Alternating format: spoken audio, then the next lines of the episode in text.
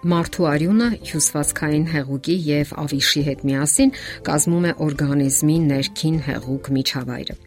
Արյունն ունի կենսական նշանակություն եւ կատարում է կարևորագույն գործառույթներ։ Այն կազմված է պլազմայից եւ արյան բջիջներից։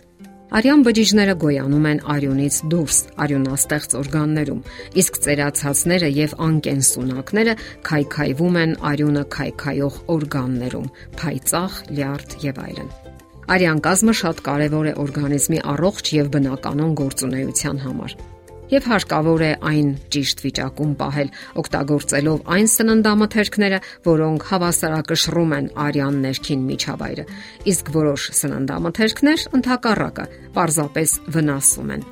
Բուսական ցակման սննդամթերքները, ինչպես նաև դեղաբույսերը, պարունակում են այնպիսի նյութեր, որոնք դեղաբանական ազդեցություն ունեն։ Դեռ ավելին, նրանք ունեն մի շարք առավելություններ համեմատած դեղերի հետ։ Նրանք կանխում եւ վերացնում են հիվանդությունների հանդեպ հակվածությունը՝ ի հավելում իրենց բուժարար հատկությունների եւ ճունեն նաեւ կողմնակի ազդեցություններ, որոնք հազվադեպ չեն դեղորայքի դեպքում։ Սննդաբանական տեսակետից առավել օգտակար է երկաթը, որը օրգանիզմ է մտնում մրգերի, բանջարեղենի եւ ձվի միջոցով։ Հայտնի է, որ սակավարյունության դեպքերի զգալի մասն առաջանում է երկաթի, ֆոլաթթվի, վիտամին B12-ի անբավարարության պատճառով, որոնց կարիքը օրգանիզմը զգում է էրիթրոցիտների, արյան կարմիր մարմնիկների արտադրության համար։ Լիմոնի օգտագործումը երկաթով հարուստ բուսական ծակման մթերքների հետ զգալիորեն բարձրացնում է օրգանիզմի կողմից այդ կարևոր հանքանյութի օգտագործումը։ Այդ մթերքներից են լոբազգիները, ոսպը, սոյան եւ սոյայից պատրաստված մթերքները, կանաչ տերևով բանջարեղենը, սպանախ, կանաչ սող կամ հատիկեղենը, ցորեն, բրինձ եւ այլն։ Այսօր սննդաբանները խորհուրդ են տալիս ամեն օր սննդի յուրաքանչյուր ընդունման հետ ներառել 25 միլիգրամ C վիտամին, որովհետև այն բարերար ազդեցություն ունի երկաթի յուրացման գործընթացում։ Ասենք որ այդ քանակի վիտամին C պարունակում է կես լիմոնը։ Բուսական ցակմամբ սննդամթերքների հիմքի վրա ձևավորված արյունն իր որակով ավելի լավն է, քան կենթանական ցակման սննդամթերքների հիման վրա ձևավորվածը։ Օրինակ սոյան երկաթով ամենահարուստ լոբազգին է։ Սոյայից պատրաստված սննդամթերքները այդ հանքանյութի հիանալի աղբյուրն են։ Օրինակ սոյայի կաթը 10 անգամ ավելի շատ երկաթ է պարունակում, քան կովի կաթը։ Եթե դուք տարապում եք տրոմբով, ապա պետք է մեծացնեք սխտորի, լիմոնի, նարնջի, սոխի, խաղողի, մրգերի, սոյայի, ձիթապտղի, ձկան յուղի օգտագործումը։ Եթե դուք տարապում եք սակավարյունությամբ, ավելի շատ պետք է օգտագործեք գլոբազգիներ, մրգեր, կանաչ թերթային բանջարեղեն, բազուկ, սպանախ, ինչպես նաև ավոկադո, արևածաղկի սերմեր, պիստակ, խաղող, ծիրան, լիմոն։ Բանջարեղենից եւ լոբազգիներից պատրաստված ճաշատեսակների վրա լիմոն ավելացնելը օգտակար է երկու պատճառով։ Օգնում է, որ ավելի լավ յուրացվի սննդի մեջ գտնվող երկաթը եւ նվազեցնում է աղի պահանջը։ Բազուկը եւս պայքարում է սակավարյունության դեմ։ Իր գույնի համար նա պարտական է առանձնահատուկ պիգմենտի՝ բետացիանին,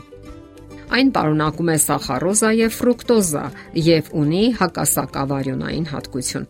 Օրական երկու անգամ ճաշից առաջ օգտագործելով 500-ից 100 մլ թարմ պատրաստված բազուկի հյութ դուք հիանալի արդյունք կստանաք։ Համային տեսակետից այն միգուցե այնքան էլ հաճելի չէ, դրա համար կարելի է խառնել այլ հյութերի հետ կամ քաղցրացնել մեղրով։ Այս հյութը խորհուրդ են տալիս խմել այն դեպքում, երբ հիվանդը վատ է ընդունում երկաթ պարունակող դեղամիջոցները։ Այդ հյութի մեջ կան մեծ քանակի հանքանյութեր՝ կալիում, կալցիում, մագնիում, որոնք հիմնային միջավայր են ստեղծում արյան մեջ։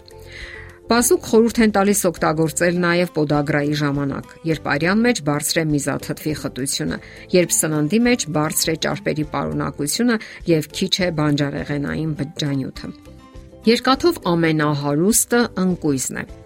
Ընկույզները շատ հարուստ են հանքանյութերով՝ կալիում, մագնիում, ֆոսֆոր եւ կալցիում, եւ միևնույն ժամանակ աչքի են ընկնում երկաթի բարձր պարունակությամբ ու պղնձով։ Պղնձի արկայությունը հեշտացնում է երկաթի յուրացումը եւ ներծծումը։ Պիստակների օգտակարությունը ուժեղանում է, երբ դրանք ուտում են C վիտամինով հարուստ մրգերի եւ բանջարեղենի հետ։ Պիստակը կարելի է օգտագործել թեթևակի բոված վիճակում։ Հարմար է օգտագործել աղանդերների հետ։ Ոսպը եւս հարուստ է երկաթով եւ բջջանյութով։ Ոսպի մեջ պարունակվող երկաթն ավելի շատ է, քան մսի եւ ձվի մեջ,